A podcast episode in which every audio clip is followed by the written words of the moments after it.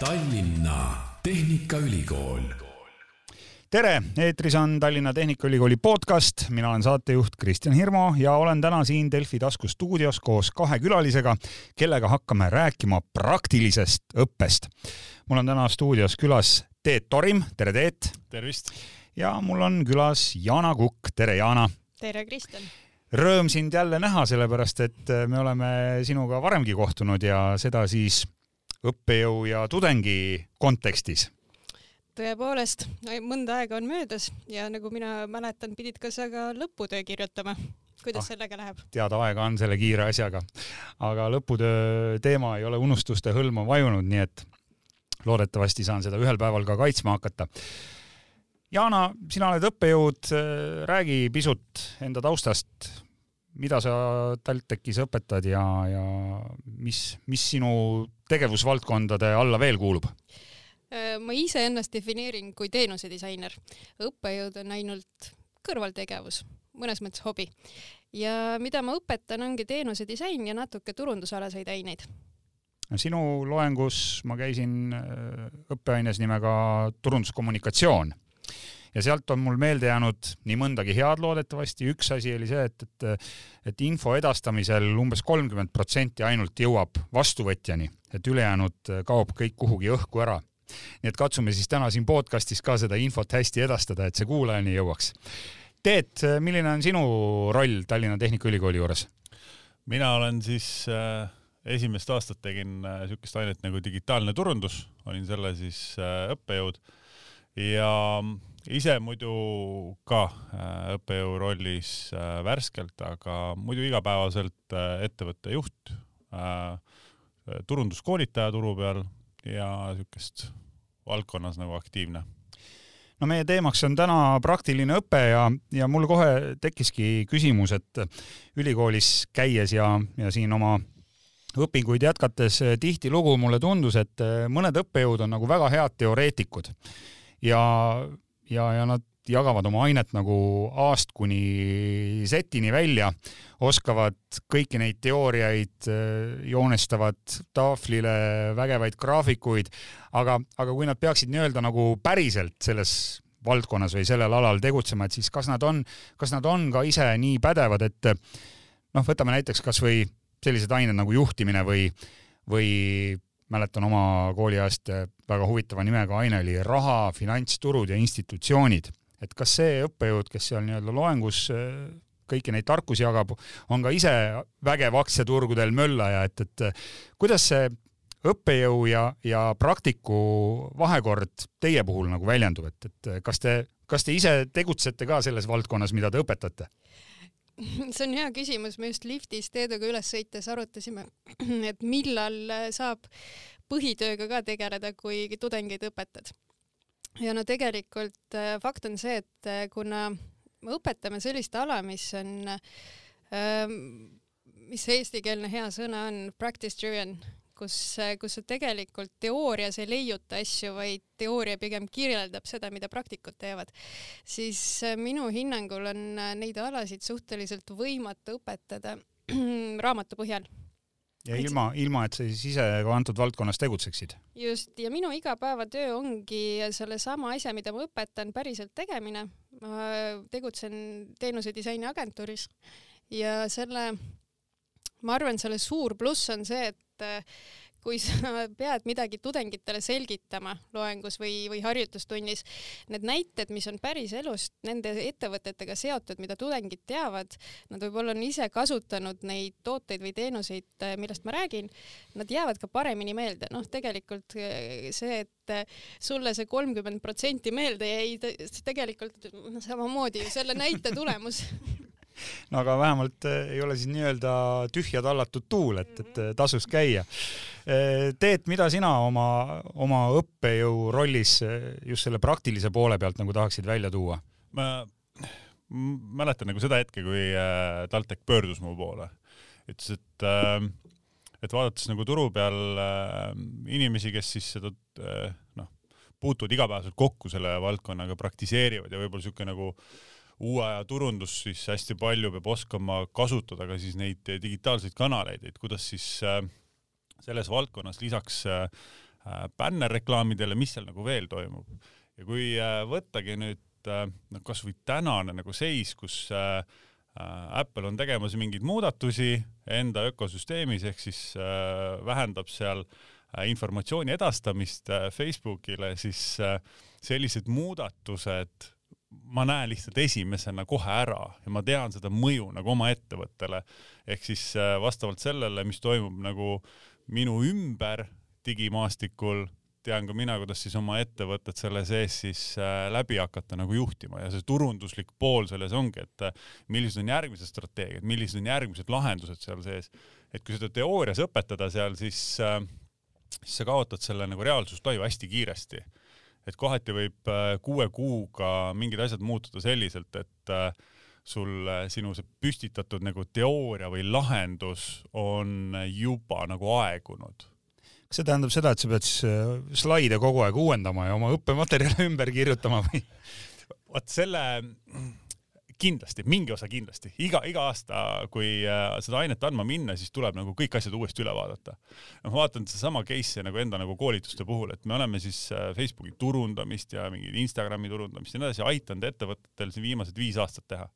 tuhat viissada ettevõtet ja iga jumala kord, kui meil koolitus tuleb, me peame nagu materjalid üle vaatama lihtsalt sa vaatad nagu üle, et kas on up to date, kas need asjad jooksevad, kas see, mida me anname nende ettevõtjatele edasi, kas see on nagu loogiline täna nagu rakendada neil. ja ma näen ka seda, et kui äh, kooli, koolis neid asju samamoodi nagu edasi anda seal, et sa saad võib-olla ütleme, mis ma näen nagu selle koolituse ja kooli vahel nagu erinevust on see, et koolis sa saad nagu strateegilisemalt suuremat pilti nagu anda. et lõppkokkuvõttes need, kes äh, said nüüd äh, sügisel mu selle ainest äh, läbi ja kes selle nagu lõpetasid, nad on need nagu põhimõtted kätte saanud, et olenemata, mis nüüd ümber toimub, nad oskavad nagu kohaneda selle maailmaga, mis ümber muutub et võib-olla see, see nagu praktiline pool, mida ma tahan nagu kooli viia, mida ma näen, et võib-olla turu peal täna nagu puudust on kõige rohkem, ongi see, et, et suudaks nagu kohaneda, suudaks aru saada, milliseid tegevusi on vaja teha, millist ei ole vaja teha ja kuidas neid tulemusi siis efektiivselt mõõta, et siis osata hinnata oma, oma tegevuste siis mõjusust. Jaana, kuidas sina oma praktilisi oskusi või seda kompetentsi oled sinna õppetöösse üle viinud või üle kandnud või kas sinu näited tulevad ka kõik päris sinu enda elust ja tööst? no natuke peab inspiratsiooni võtma ka konkurentidest mõnikord, aga selle Teedu kommentaari võib-olla jätkuks üks selline meenutus oma tudengieast, kus minule digitaalset turundust õpetas inimene, kellel ei olnud ka Facebooki kontot. see oli küll tõsi aastaid tagasi, aga ma arvan, et see päris hästi illustreerib seda olukorda, kuidas inimene ikkagi rääg võib rääkida ka sellest, mida ta ise mitte kuidagi kogenud ei ole. Äh, mis puudutab minu õpetamist, siis jaa, loomulikult kõik äh, sellised äh, näited või, või enda kogemusest tulnud lood, kuidas teha õigesti ja kuidas ma olen võib-olla mõnikord ka valesti teinud, need õpetavad iseenesest, iseennast kõige paremini. see on kusjuures väga hea, et, et vigadest tasub ka õppida, eks ju? no ikkagi praktika näitab, et inimene on võimeline ainult oma vigadest õppida, mitte teistest, et siin tuleb ikkagi ise natuke eksida. aga mida võib-olla sellesama mõtte jätkuks, mida me alati teeme, on see, et äh, kõik harjutused, kõik sellised läbiproovimised on hästi praktilised. ehk siis äh, ei ole mõtet väga pikalt arutleda teemal, mida saab tegelikult katsetada ja teha mingisugust järeldused. et ainult nii see meelde ka jääb. see tähendab seda, et teooria justkui ei ole nagu oluline või? Kindlasti on, selles suhtes, et äh, igasugustest praktilistest kogemustest võib ju teha järeldusi, kuidagi neid järeldusi süstematiseerida ja kõik see. aga ma arvan, et tänase tudengi jaoks ikkagi praktiline väärtus seisneb eelkõige selles, et ta läheb homme tööle. kas see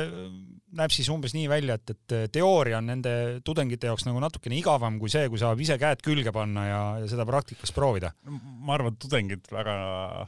noh, sõltub, ega nad ei julge seda kätt külge ka panna seal, et see eksimise, äh, eksimise hirm on ka suur, neid vigu teha kohati.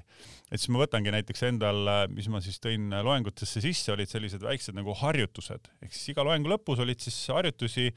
oma, oma kaks-kolm tükki, mida nad siis tegid läbi. Läbi selle oli minul võimalik anda neile nagu tagasisidet, kas see nagu mõte või mindset on nagu õige, kus nad liiguvad seal. Ja lõppkokkuvõttes sündis neil selle digiturunduse siis aine äh, põhjal siis äh, turundusplaan kus, kus siis sidus need asjad nagu kokku, ehk siis erinevad kanalid äh,, on ta siis email, on ta siis mingi Google Ads, Facebook, nii edasi, kõik sidus nagu tervikuks kokku ja vot see oli nagu koht, kus kus nad siis äh, saidki nagu praktiseerida, et kui sa, kui sa nagu kuulad, ahah, vot selline peaks olema see digiturundusplaan, aga kui nad panevad selle kokku ise, vaat siis hakkas tegelikult neid nagu kuldmune tulema alles ja nendel endal tekkis see ahaa-momendid seal sees. vot see on võib-olla see koht, kus ma nagu õppejõuna tunnen kõige suuremat äh, nagu väärtust enda asja andmisel et see teine pool avastab, mitte mina ei, ei ole nagu erutus ise seal, kes annab seda edasi, vaid et nemad ise leiavad selle nagu fakt on see, et iga inimene õpib erinevalt. see on umbes nagu IKEA kapiga, sa tood selle kapi poest koju, mõni inimene võtab kasutusjuhendi või selle kokkupanemisjuhendi lahti ja mõni siis üritab ise tuletada ja kui välja ei tule, siis hakkab lugema. ma arvan, et õppimisega on sama, samamoodi kui osad inimesed ilmselt eelistavad enne sellist enda käega proovimist natuke turvatunnet koguda läbi selle, et nad loevad seda teooriat ja keegi eelistab võib-olla läbi proovida ja kui välja ei tule, siis hakkame arutama, aga miks nii läks. aga kui palju üldse õpitakse sellepärast, et lihtsalt noh, peaks midagi õppima ja tore oleks see diplom saada ja siis on mul see kraad ja, ja hinded on korras, et eh, kas see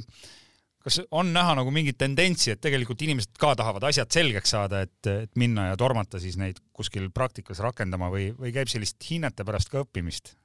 Ma arvan, et siin on hästi erinev äh, proportsioon äh, selliseid inimesi, kes lihtsalt noh, tulid sellepärast, et pidi kuskile tulema ja need, kes päriselt tulid teadmisi omandama, hästi erinev osakaal on bakas ja magistris mm. -hmm. mina töötan hästi palju magistris ja võib-olla seal on inimesed enamasti juba teadlikuma otsuse teinud. ma arvan, et tegelikult noh, bakas väga tihti tekib see olukord, kus noh, esimene kõrgharidus on vajalik selleks, et sa saaks aru, mida sa elus teha ei taha. et võib-olla see on see põhjus, mis mida sa teha ei taha, jah? just, täpselt, et sa saad aru, mis asjad sulle ei meeldi, kui sa oled neid erinevaid võib-olla teadmisi või oskusi läbi proovinud, sest noh, kujuneb mingi eelistus. ja kui, kui inimesed jõuavad minu juurde ehk siis magistriainetesse, siis tavaliselt nad on väga-väga pühendunud ja väga-väga tahavad tõesti nagu süvitsi minna sellesse teemasse sisse mul on sama, et mul see nagu baka poole pealt äh, nagu kogemus puudub, mul olid ka selle loengus äh, paar tükki olid baka poole pealt, siis noh, need olid nagu usinused ise, aga magistrites üllatas see pool, seda nagu see tahe seda asja nagu selgeks teha endale. kindlasti, mis sealt nagu kumas läbi ka, et on, on aineid, mis on kuivemad ja, ja selle vastu nagu ei saa, et see on, see on paratamatu osa sellest protsessist, kõik ei ole fun ja lillepidu seal. Ja ja kui sa saad ise oma aine nagu huvitavamaks teha, siis seda rohkem on nad tegelikult ka kaasatud sinna, seda rohkem nad tunnevad, et see on nende jaoks nagu huvitav, et ma usun, seda digiturundust annab nagu igas võtmes anda edasi. et et, äh, et selles mõttes võid sa teoro-, teoreetilisema poole pealt teha inimesega, kellel siis ei ole Facebooki kontot, onju, võib-olla selle turundamise poolega kokku puutunud kunagi ja siis teiselt poolt võib olla keegi, kes on selles maailmas nagu igapäevaselt sees. olen absoluutselt nõus selle mõttega, sellepärast et äh, olles ise puht sellise võib-olla professionaalse arengu mõttes käinud üle maailma erinevates äh, ülikoolides loenguid kuulamas, oma aines siis ma olen näinud seda, kuidas saab teenuse disainist rääkida kohutavalt kuivalt. Ja minu meelest see on ikkagi eraldi anne. Aga kui keegi ikkagi tuleb ja ütleb, et ma, ma tahaks ikka paremat hinnet saada, Jana, et, et äh, kuidas me saame seda, kuidas me saame seda hinnet parandada, siis kas see hinne on nagu täna oluline või, see on, äh, see on äärmiselt sage olukord, kus äh, semestri lõpus keegi, ilmselt kuna ma paistan siuke rõõmsameelne, heasüdamlik välja, siis kõik eeldavad, et saab viie kohe automaatselt. noh, miks ma peaks halva hinda panema? Äh, mina võtan seda hinnet kui tagasiside instrumenti, et ma, ma annan sulle tagasisidet, et kuidas minu hinnangul sa oled omandanud seda, mida ma üritasin sulle õpetada. ja kui keegi tuleb nõudma, et kuule, et äh, tahaks mingit suuremat numbrit siia kirja saada, siis äh, ma küsin, küsin tavaliselt üle, et mis numbrit sa tahad, ma joonistan sellepärast et kui inimene siiralt pöördub, äh, ma ei tea, küsimusega, et tead, ma ei saanud päris täpselt aru, et noh, soovita midagi, et kuidas ma saaks paremini aru saada, see on üks küsimus. kui ta numbrit tahab, siis jumala eest. aga kas ei ole ka natukene nagu selline päris elu, et, et kui inimene hakkab kuskil tööle, et siis ta tahab ka ju rohkem palka saada ja ta läheb ülemuse juurde ja küsib, et kuule, et kas sa ei saaks mulle natukene rohkem maksta, et, et see on võib-olla ka selline poolpraktiline oskus. aga nagu palka makstakse töötulemuste eest, siis hindeid saab ka ikkagi selle eest, et äh, kuidas teadmised ja, ja aina omandatud. absoluutselt ja võib-olla ma ise provotseerin ka natuke seda parema hinde küsimust äh, sellega, et ma õpetan ka läbirääkimisi, mis natuke noh, võib-olla julgustab inimesi küsima asju juurde ja rohkem, kui nad võib-olla al alguses oleks tahtnud eks see nagu õppejõu roll on natukene nagu seda tagasisidet anda selle hinne, ma lihtsalt puutusin kokku, kui nad tulidki küsima, et miks mul siuke hinne oli või miks, miks mul see töö oli selline või see esitluse osa oli seal, et et kohati ise seda, kui nad ise oma seda tööd teevad, siis nad panevad selle nagu oma aja, energia sisse, annavad selle tagasiside ära ja siis, siis tuleb, jaa, et ma tegelikult lasin natukene üle, et nagu jumal tänatud, et seegi sai, et et äh, küsida võib aga see ei tähenda, et iga kord sellele peaks olemagi siis äh, loogiline nagu vastus sinna juurde talle. ma arvan, et ma tegelikult äh, viimastel aastatel olen lõpuks hakanud aru saama, et kuidas peaks äh, ehitama üles kogu selle tagasisidestamise protsessi selleks, et ei tuleks seda küsimust. kuna me minu ainetest, just teenusedisaini ainetest, teeme enamasti hästi praktilist õpet, kus meil on partneriks mingisugune ettevõte, kelle probleeme tudengid lahendavad läbi siis teenusedisaini meetodi meil on siin Tallinna lennujaam, Rahvusraamatukogu ja hetkel töötame Swedbankiga. Ja seda tagasisidet, kui, kui nad kaitsevad oma projekti, ei anna mitte ainult õppejõud, vaid annavad ka päris ettevõtte esindajad, ehk siis kui sulle lennujaama juht ütleb, mis on sinu lahenduse juures hästi või halvasti, ma arvan, see on palju sisukam ja, ja veenvam tagasiside, kui lihtsalt mina ütlen mingisuguse kommentaari, mis mil, võib-olla kellelegi tundub täiesti selline subjektiivne hinnang. no see on päris elu, see on äh, tagasiside ju siis nii-öelda otseselt äh, ettevõttelt, kellele, kellele seda teenust äh, tehakse. Teedu käest ma tahtsin küsida, et no sina õpetad, sinu aine täpne nimi on digitaalne turundus. digitaalne turundus mm. ja milliste platvormide kasutajakontod sul siis olemas on? Oi. peale Facebooki ja Instagrami, kus sa veel oled, kus sa veel möllad, kas sa Tiktokis ka möllad täna näiteks? Äh, Tiktokis ei mölla ja selles mõttes äh, see Tiktok ei ole midagi muud kui noh, kui me vaatame edasi, siis mina ei tea, mis kolme aasta pärast on uued asjad seal ja vahepeal oli siis Snapchat oli siin teema ja mingil, mingis seltskonnas suhtlemiseks ta on siiamaani. ja ma mäletan nagu seda hetke, kui äh, ettevõtted läksid Snapchati, noh, metsikult ronisid sinna, kellel ei ole Snapchati ettevõttena, siis sind pole olemas jälle ja siuksed asjad lõppkokkuvõttes ma jõudsin nagu sellesse nagu lähtepunkti, et noh, meil on ka siuksed nagu tormituuled läbi käinud, et mingid trendid ja siis hull, hullult on vaja integreerida ja siis te ei tea, mis sa seda teed ja nii edasi. et ma jõudsin nagu selle lähtekohani, mida ma siis ka annan nagu edasi tudengitele, et millist nagu osa see kliendi teekonnal nagu kannab, see kanal. et kui täna on äh, TikTok ja sa peaksid enda jaoks nagu mõtestama lahti, et kas mul on seda TikTok'i endal nagu turundusse vaja või ei ole. sa pead panema selle kliendi teekonna mõtte, okei okay,, mul Facebook, mul aitab ta klienti värvata, aitab hoida ja siis kordusoste tuua, katab selle teekonna ära ja nii edasi, nii edasi, paned kõik sinna ritta, siis paned okei okay,, aga mida see TikTok mul aitab teha, kas ta aitab uut, uut klienti otsida, aitab ta mul olemasolevaid hoida seal, nii edasi, et sa pead nagu iga kord võrdlema, ükstapuha, mis kanal tuleb, onju, sa paned kogu aeg sinna nagu kõrvale, vaatad, okei okay,, kas ta annab mulle nagu väärtust. ja ma vaatan, vaatan seda, et täna ka need ettevõtted ronivad sinna Tiktoki ja teevad seal ja siis, siis koolitustel on käinud nagu siuksed hästi maa peal inimesed, onju on ventilatsioonipuhastuse ettevõte, istub seal Instagrami koolitusel ja jumala isuga nagu kuulab seal ja siis äh, küsid, et okei okay,, et aga mis sinu, sinu jaoks see point on, onju. kõik ütlevad, et ma pean tegema nagu Instagrami konto, et muidu ma ei saa kliente ja asju sealt. okei okay,, siis vaatad üle, et noh, et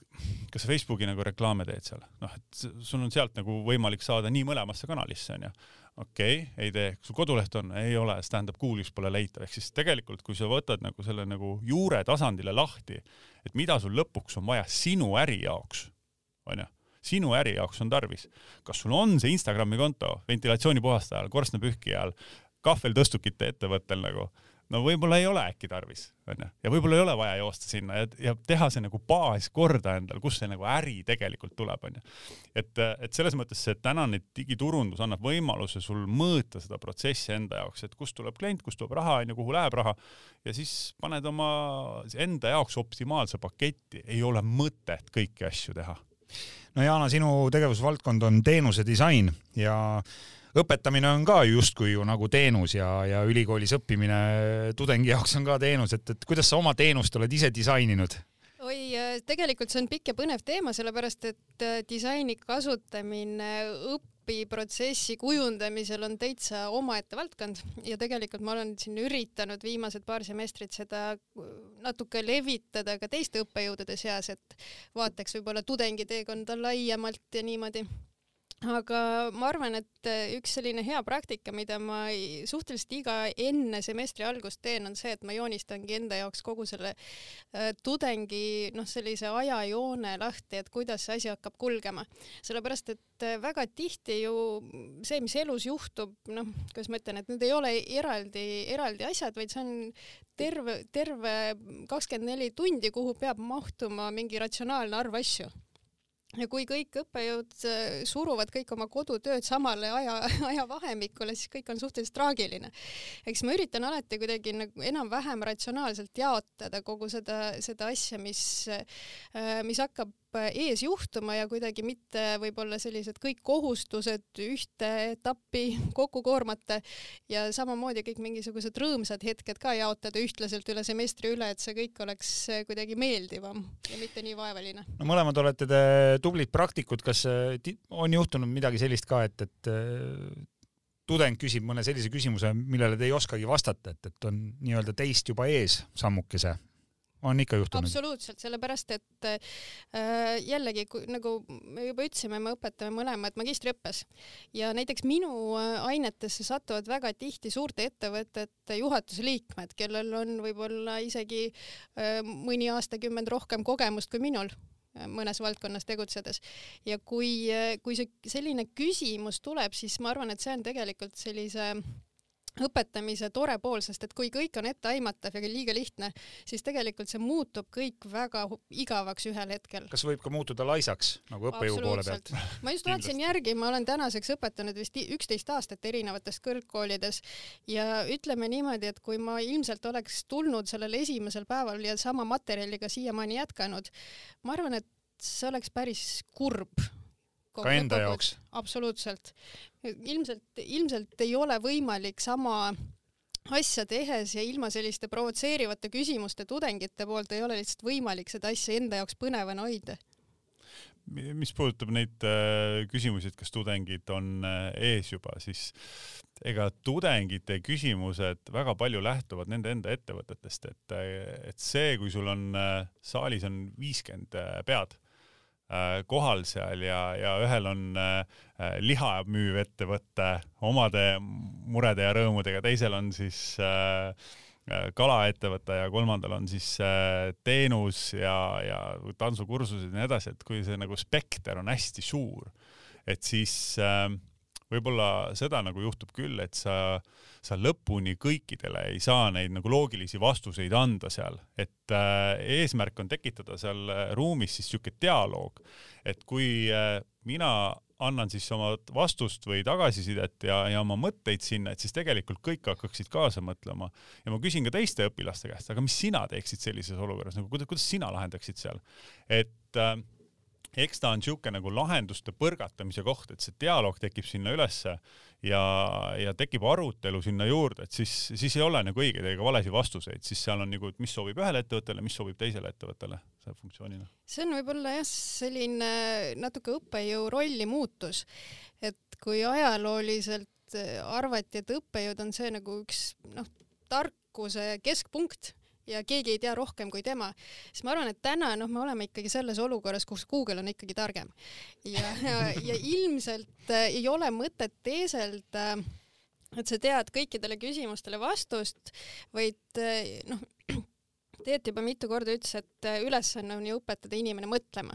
Ja mis muu kui selline diskussioon või koos arutelu mingite keeruliste teemade üle ongi see, mis seda õpetab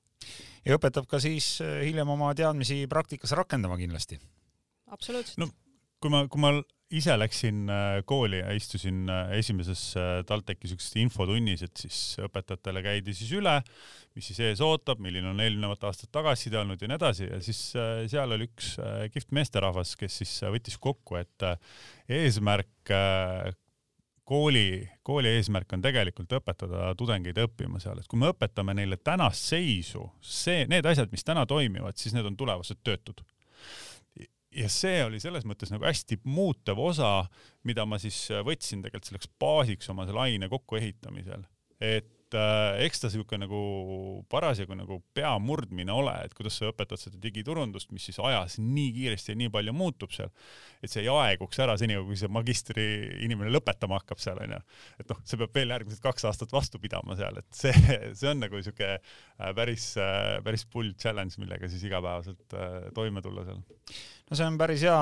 hea idee, et, et tulla ülikooli õppima, kuidas õppida jah, sest see peab, see, see, see kohanemisvajadus, me ütleme teenuse disain kindlasti üheteist aasta jooksul on nagu väga palju muutunud, uusi kanaleid tulnud, uutmoodi äh, kontaktid, kokkupuuted onju, et kogu selles nagu maastikus läbi laveerida, et kui sa selle aine läbi teed, siis sul peaks olema see teadmised, sa oled praktiliselt midagi nagu läbi teinud seal, et kui sa lähed nüüd oma elule, siis sul niisugune lähtepunkt on olemas no tegelikult selle võib-olla nimetada seda lihtsalt kriitiliseks mõtlemiseks, et kui äh, jällegi, kuna Google'is infot on meeletult palju, siis sa pead kuidagi selles suutma hiljem navigeerida, et keegi sulle kolme aastaga või siis kahe magistriaastaga ei suuda seda absoluutset tõde nii-öelda valmis õpetada. sa pead kuidagi ise edasi uurima ja hakkama saama. ma arvan, et kui, kui see õnnestub, et me tõesti suudame inimest arutlema panna, siis on juba hästi tehtud no kaks väga toredat õppejõudu TalTechis, mõlemad ka väga kõvad praktikud, nagu ise kuulsite. tore, et sa endiselt kiidad ka peale hinde saamist. aitäh, Jaana Kukk. aitäh. ja aitäh, Teet Torim, et aitäh. astusite täna läbi siit TalTechi podcastist, mille leiab Delfi taskulehelt tasku.delfi.ee. lisaks on Tallinna Tehnikaülikooli podcast saadaval ka Spotify's, SoundCloudis ja iTunesis mina olen saatejuht Kristjan Hirmu ja suur tänu kuulamast.